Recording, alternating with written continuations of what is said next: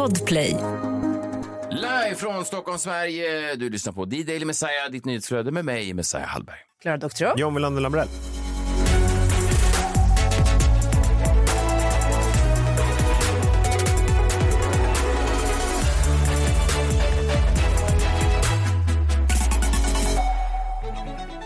På er eh, denna fredag. Det här är D-Daily Messiah, ditt nyhetsflöde med Messiah, John och Klara. Hur mår ni? Men det är bra. Jo, det är bra. Fredag.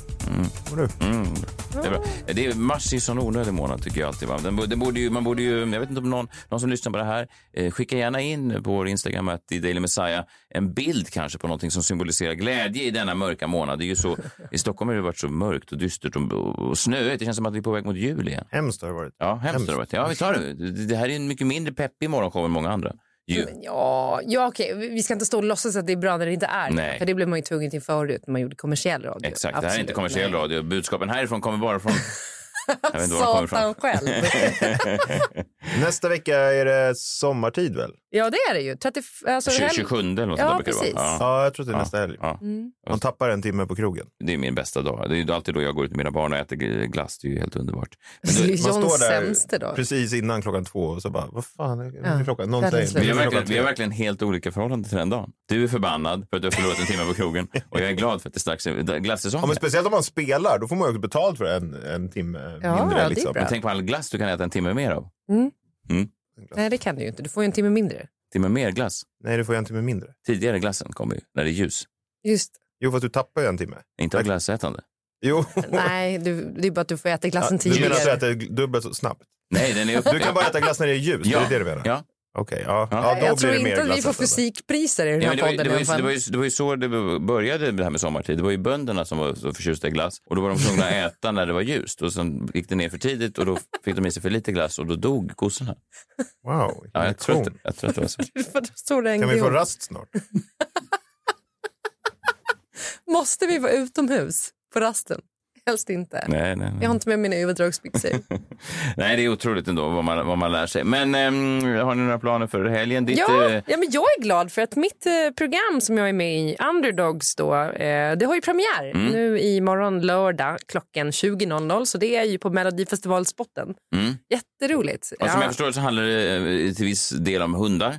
Ja, det är Ja. därför det heter Underdogs. Anton Demina är programledare. Är. Och sen så är det vi ett gäng då, de kallar oss kändisar. Jag kallar inte mig själv för kändis, men jag fick väl komma med för att ingen annan ville, som tävlar då med våra hundar i agility. Helt Kanske, var- det kanske var din hund som var känd och du fick följa med den. Har tänkt så någon gång? Ja, så kan det mycket väl vara. Ja. För att min hund blev bjuden på Pinchos eh, förra helgen. Gratis. Jag fick inte den historien att gå ihop när Klara berättade den i måndags. Men Vadå? Klaras hund hade fått en inbjudan till restaurangen Pinchos. Kan Ja. du fatta? Jag förstår fortfarande inte. Så din Och Klara fick följa med. Ja, men då är det Ja. ju så. Det kanske var så även när de castade programmet. Ja, Inte den där, har inte den där hunden en matte? Just det. Ja. Ja. men det kan verkligen ha varit så. Så Liz är väl mer känd än jag. Hon är också på den här affischbilden när man går in på SVT Play och ser den. Då, då kan man se henne där. Men hon, hon är med i SVT nu, får hon gå på sådana här restaurangbjudningar då? Du menar att hon inte får ta Nej, hon emot ska ju vara sponsring? oberoende. Ja, men nu, nu har vi bara ett medverkandeavtal, inte ett programledaravtal. Det är det Allt är in the clear. Ja, då förstår jag. Mm. Hon behöver inte boffa framåt. Och Hon, hon har inte heller signerat någonting vad jag vet. Så att, inte lagt en tassen på något avtal. Nej. De bara får gynna vissa restauranger. Nej. Nej, jag fattar. Det är bra. Också roligt att hon har dragit in mer pengar än vad hon faktiskt kostar i omkostnad. Så att vi har gått plus på henne hittills. Det tycker jag är roligt. Verkligen. Och hon är ju så... Det Um... var inte därför vi skaffade henne dock. Nej, men... nej, nej, nej. Kul. Och vad kan man förvänta sig? Olika hundledda tävlingar? Ja, men det, är, eh, det är faktiskt ett jättebra och, och spännande program. Så att, eh, vi kommer att tävla och det är på dödligt allvar. Alltså, man får nya utmaningar varje vecka och de här hundarna som aldrig har varit på en agilitybana ska plötsligt tävla mot varandra i just agility. Hoppa över hinder, springa tunnlar och vi får tips och tricks med coacher på vägen. Så det är som ett Let's Dance för hundar. Mm. Jag såg att det är, det är många håriga bästar med. Både Ja, ja. Anders Bagge och Kicken. Ja, de- och sen ett gäng hundar också. Ja, ja. Bra själv. Tack. Tack, den har jag skrivit i i helgen. Vad ska du göra då, John? Det låter ju sjukt som att det har med varandra att göra, men det har det ju faktiskt inte. Men jag ska spela då på Skandia husets tak på lördag. Alltså Skandiamannens Ja. arbete. Det är, inte- det är inte känt för det nu. Att, men jag spelar då på taket då, där han, strax ovanför där han jobbade. Ja, I ja. mordplatsen. Coolt, så du står då där mördaren planlade sitt mord, sina mordplaner. Ja, det tror jag. Jag tror inte han stod uppe på taket. Nej, han, precis ovanför honom. Precis. Ja, Så om, man- om du lägger han- ditt öra mot eh, Alltså man går ju marken. in i hörnan, Ja. Dekorima-hörnan, för- Ja. och sen tar hissen upp. Ja, och det är ju mördarens eh, arbetsplats. Så att om du lägger örat uppe på taket. Skandiamannen. Stig Engström. Jaha, det är det. Nej, nej, nej. Jo, så om du lägger örat Jo. upp på taket Mm. av Skandiahuset där du står och spelar. Kan du höra Så hans... kan du höra hans ande planera. Ja, kontorsskorna. De klapprar där. Varför skulle han ta kontorsskorna om han skulle springa Nej, det är därifrån? det som är så ironiskt. Ironiskt, ja. Ja. Och också det är ologiskt. Han var ju på flaskan. jo, jo, men ja, okej, Mm. absolut. Ja. Nej, men så, ja, ja, det är Urban Delis eh, tak då, det heter höjden. Eh, spelade 21 till 01 på lördag. Vad kul! Kommer det vara något Palme-tema? Vadå? Vad skrattar du åt? Det är ju sjukt. Men ja, nej, det har ingenting med Palme att göra. Jag kommer, det har Nej. ingen musiken, inte Palme inspirerad vad det nu skulle innebära, utan det är en helt annan grej. Susanne the Police. Kanske. Bad boys. Bad, ja. Riktig sån svensk snutklassikerlåt.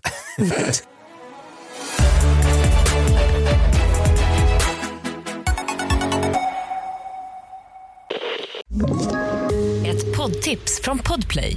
I fallen jag aldrig glömmer djupdyker Hasse Aro i arbetet bakom några av Sveriges mest uppseendeväckande brottsutredningar. Går vi in med hemlig telefonavlyssning och, och då upplever vi att vi får en total förändring av hans beteende. Vad är det som händer nu? Vem är det som läcker? Och så säger han att jag är kriminell, jag har varit kriminell i hela mitt liv men att mörda ett barn, där går min gräns. Nya säsongen av Fallen jag aldrig glömmer på Podplay.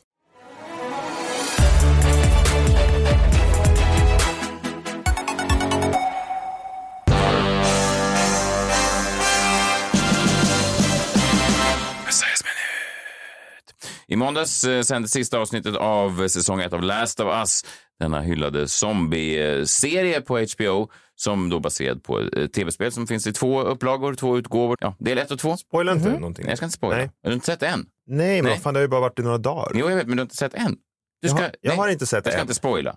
Men det, Jag har inte sett än. Nej, Men jag, jag slutade se efter eh, avsnittet när de här, det här gayparet dog i sängen. För att du tyckte det var så äckligt med det de höll på med. Nej, nej men jag tyckte Det att är det okej var... att spoila grejer så här, på riktigt. Ja, men vadå? Herregud, det var ett tidigt avsnitt. Eh, Mm. Jag tyckte att det var lite över... eh, Vad ska man säga? re- Reklamerat. Mhm, Heter mm, det? Mm, Ja. mm, kan man tycka. Eh, det är ju det är intressant det där, för jag har ju väldigt svårt, det vet ju du John, genom historien har jag väldigt svårt för all form av sci-fi och all form av, mm, vad ska man kalla det här? Ja, men, jo, men det här är väl en, det här är ju sci-fi, det händer ju i framtiden, men eh, överjordiska grejer, övernaturliga grejer. ja. Jag har till och med svårt att titta på sådana filmer som så Avatar, för att jag tänker hela tiden, så där blåa är ju Det är inga, övernaturligt. ja, men så där blåa är ju inga vanliga människor. Nej, det är sant. Nej, eller hur?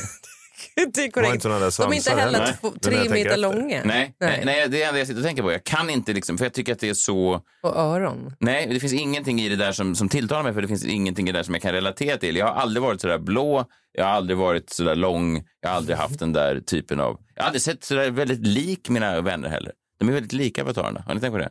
Men det där är ju rasism. Jag har aldrig varit lik De är, dina vänner. de är inte mer lika än kineser. Ja, fast nu när du ändå är... Okej, nej, jag ska inte säga.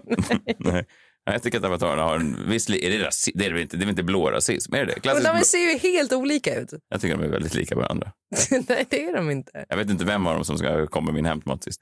Avatarerna alltså. Avatarerna.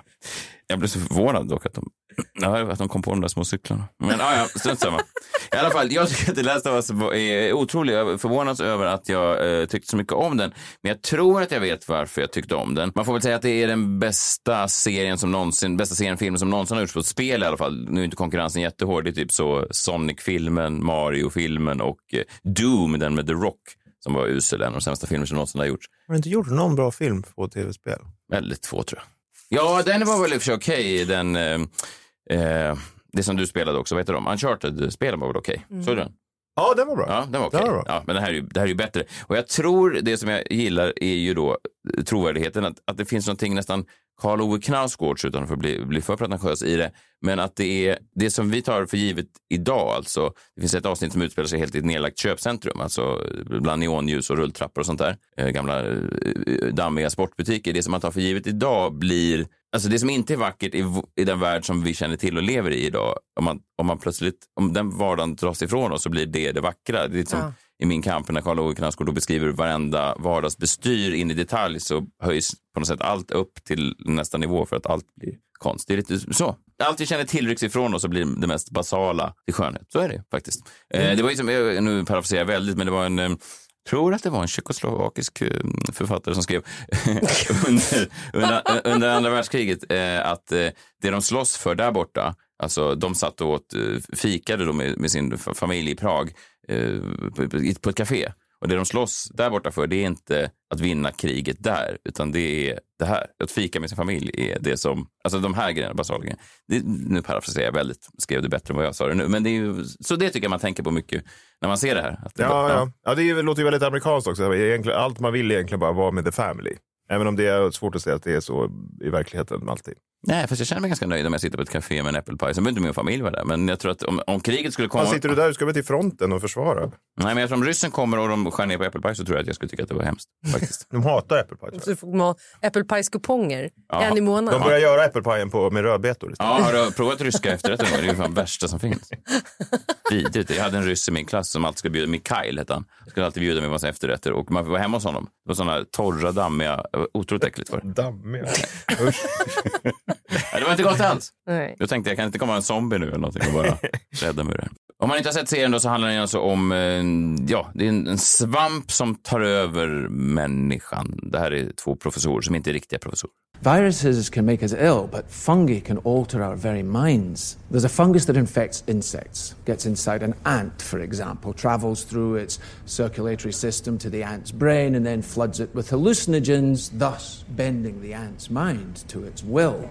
Fungus starts to direct the ant's behavior, telling it where to go, what to do, like a puppeteer with a marionette. And it gets worse. The fungus needs food to live, so it begins to devour its host from within, replacing the ant's flesh with its own. Dr. Schoenheiss, you're in distress. Fungal infection of this kind is real, but not in humans. True, fungi cannot survive if its host's internal temperature is over 94 degrees. And currently, there are no reasons for fungi to evolve to be able to withstand higher temperatures. But what if that were to change? What if, for instance, the world were to get slightly warmer? Well, now there is reason to evolve. One gene mutates, and an Ascomycetia, Candida, ergot, Cordyceps, Aspergillus, any one of them could become capable of burrowing into our brains and taking control not of millions of us, but billions of us. Billions of puppets with poisoned minds, permanently fixed on one unifying goal to spread the infection to every last human alive by any means necessary. So if that happens, We lose. Just det. Lose. we'll be back.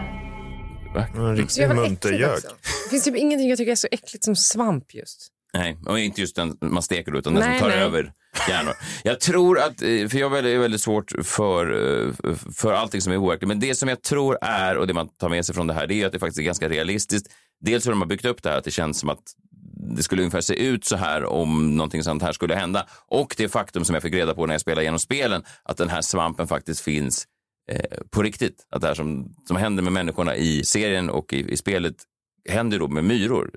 Det tar över myrans hjärna. Men lägg av vad äckligt.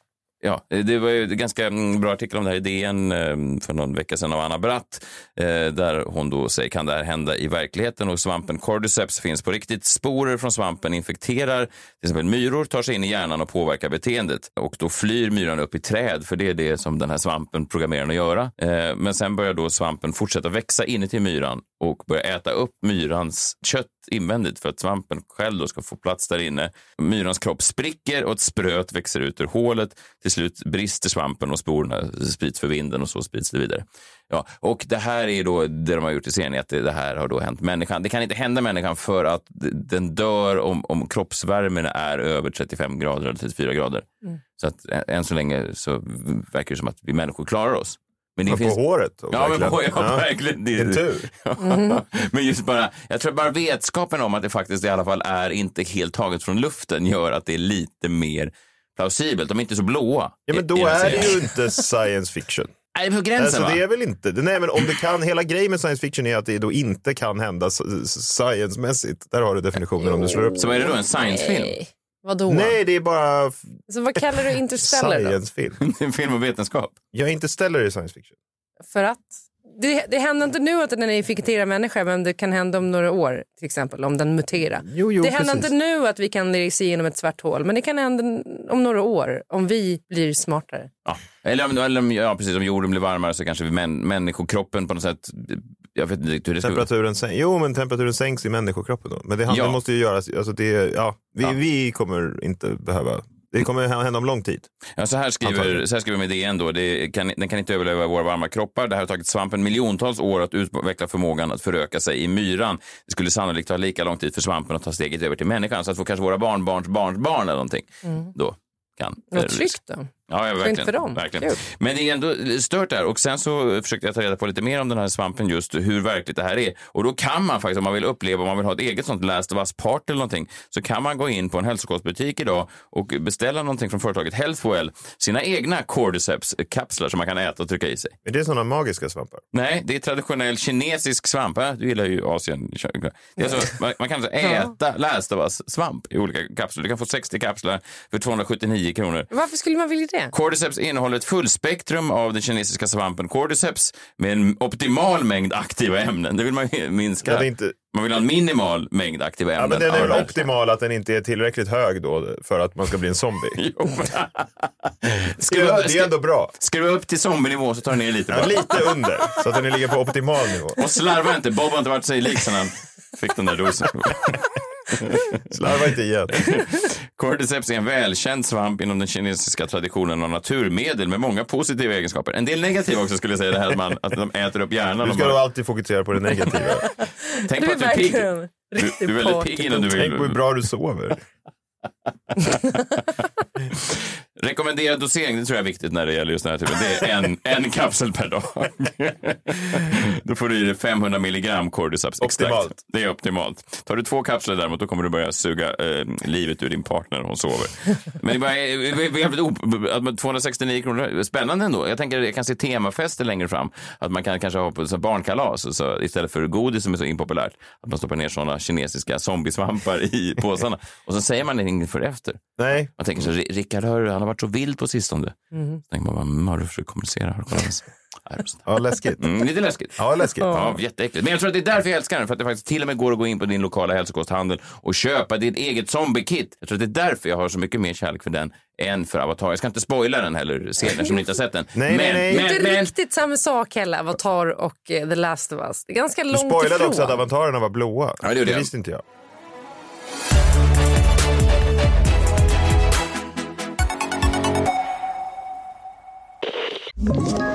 Ett poddtips från Podplay. I podden Något Kaiko garanterar östgötarna Brutti och jag, Davva, dig en stor dos skratt. Där följer jag pladask för köttätandet igen. Man är lite som en jävla vampyr. Man har fått lite blodsmak och då måste man ha mer. Udda spaningar, fängslande anekdoter och en och annan arg rant. Jag måste ha mitt kaffe på morgonen för annars är jag ingen trevlig människa. Då är du ingen trevlig människa, punkt. Något Kaiko, hör du på Podplay. Därför är gardinerna.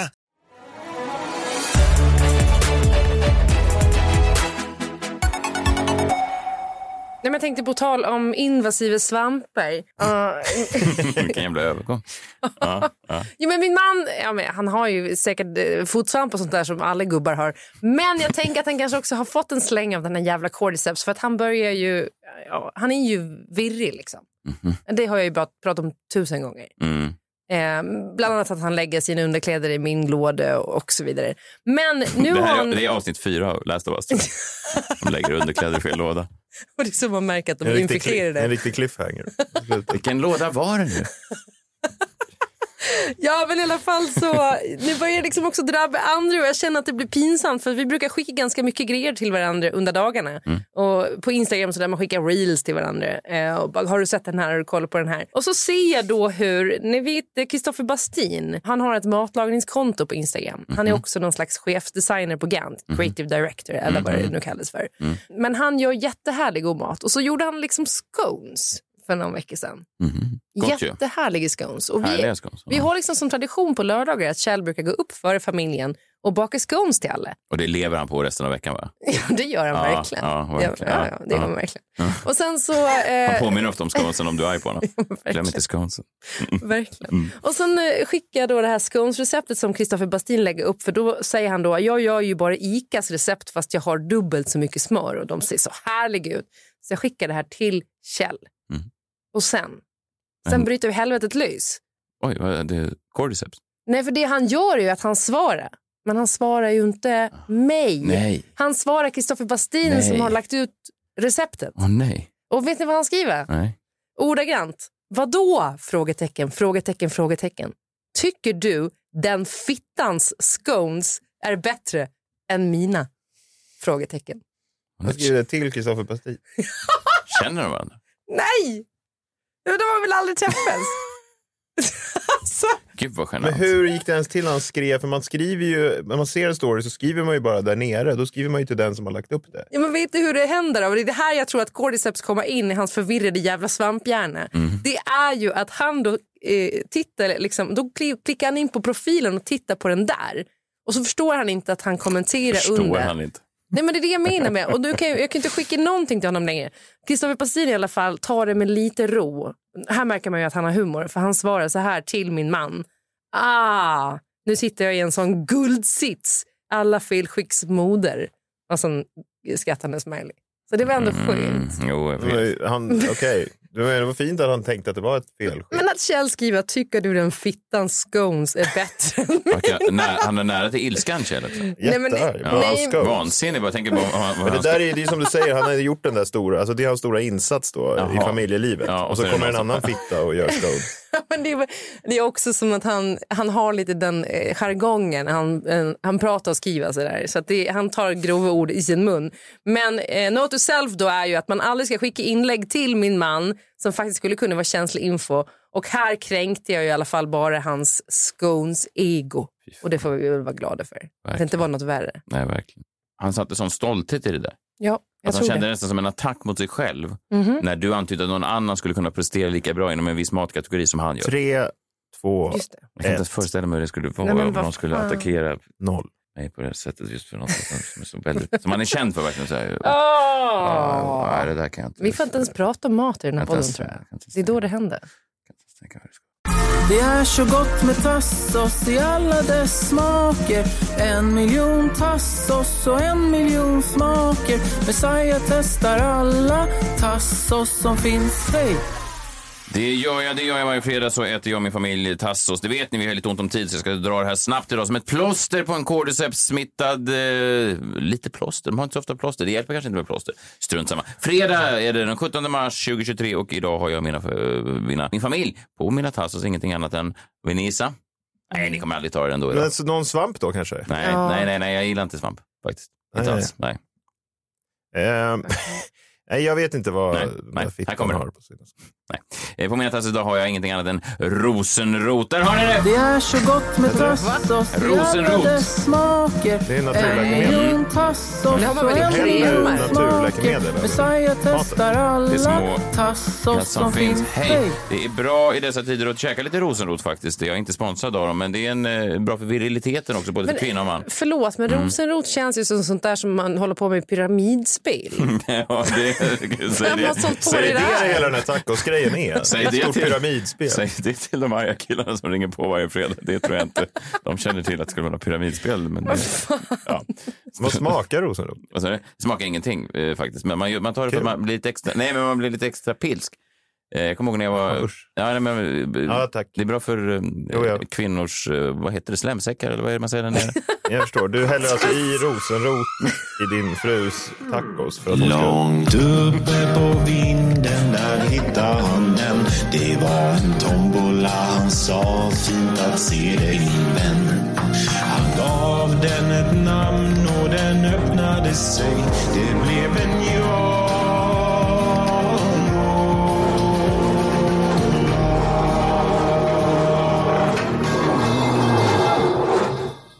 Varje dag drar han någonting ur den, en lapp, så måste han snabbt komma på någonting att säga på ämnet. Vad står det på lappen idag? Vad handlar Bee Gees-dokumentären egentligen om? Jag vet inte. Bee Gees, na, ett känt band eh, från vad var det, 70-tal? Ja, precis. Eh, Jag såg den dokumentären som ligger på SVT nu. Bee Gees, How can you mend a broken heart? Eh, om man inte känner till The Bee Gees så är det den grupp som när de sjunger låter som att någon har dem i ett rejält punggrepp. Har, ja. Har ni sett den? Har sett inte greppet, men jag har inte sett dokumentären heller. Men, jag, men jag vet, du menar att de sjunger lite eh, falsetto? Ja, väldigt Ja. falsetto. Mm. De, har ju, de tar ju någon ton, någon falsetton som liksom ingen annan sedan dess har kunnat återskapa. Jag ska inte försöka, Nej, men det, ni vet det. ju hur det låter. Mm.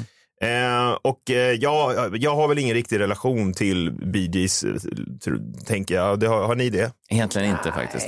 Nej. Egentligen De skriver ju bra melodier, men det där falsettljudet har jag liksom svårt för. Men det handlar ju mycket den här dokumentären om de här tre bröderna som var med i The Bee Gees.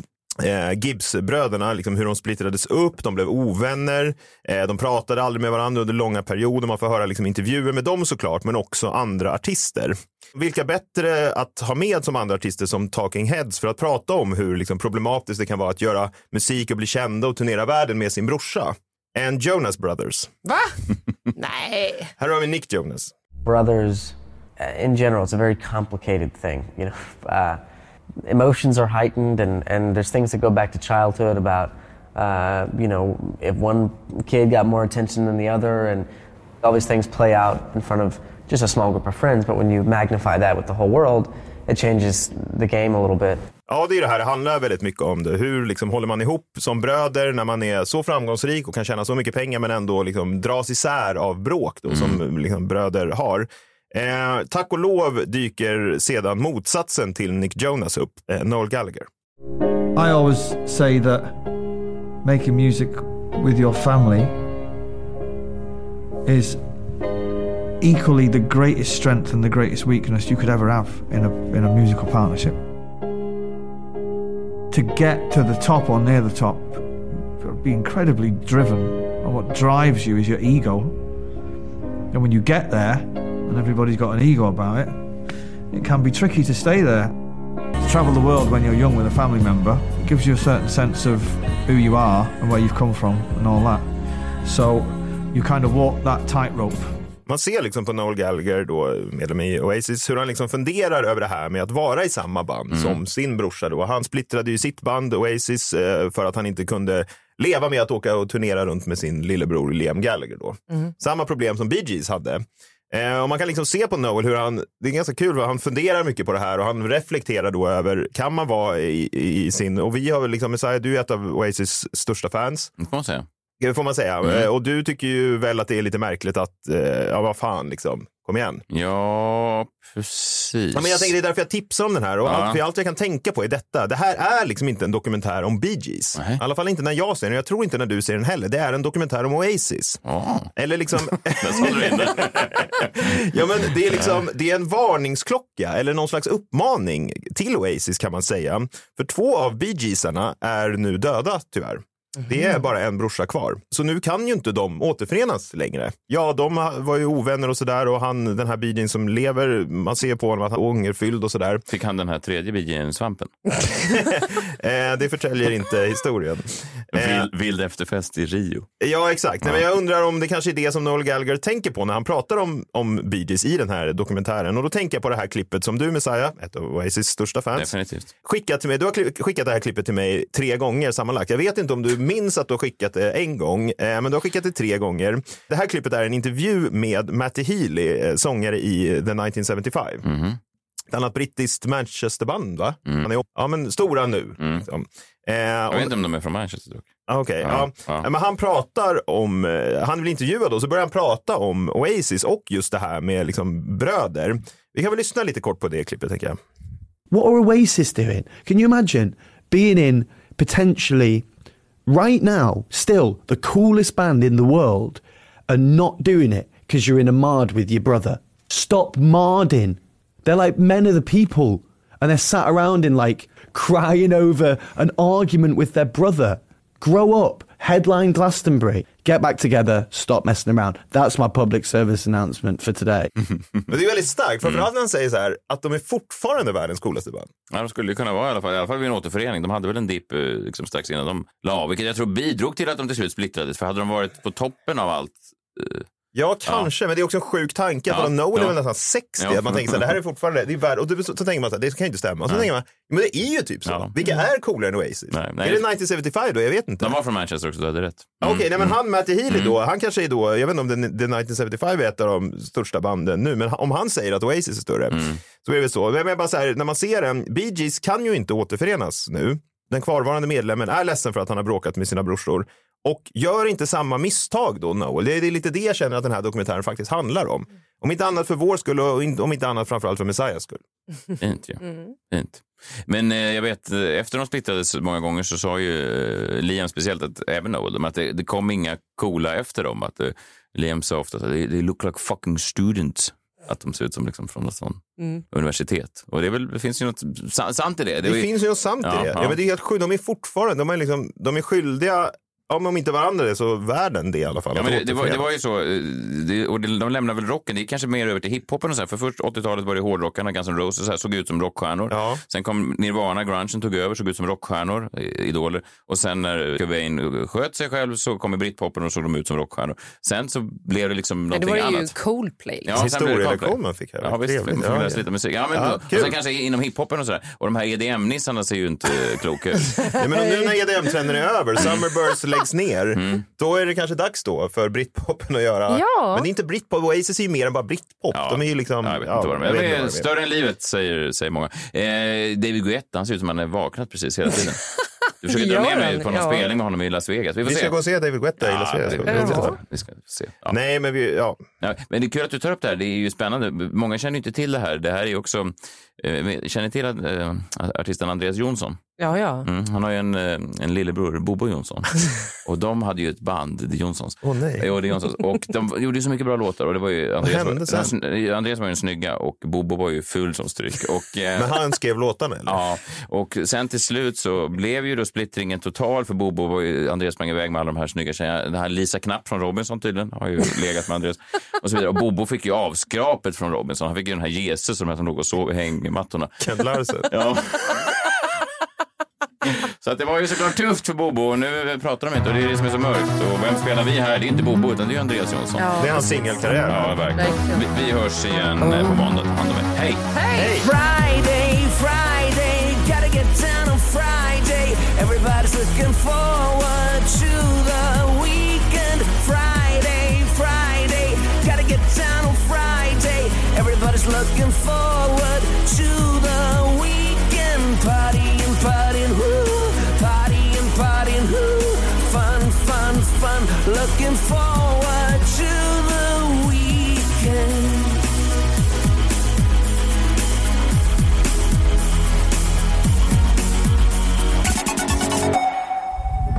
Podplay, en del av Power Media.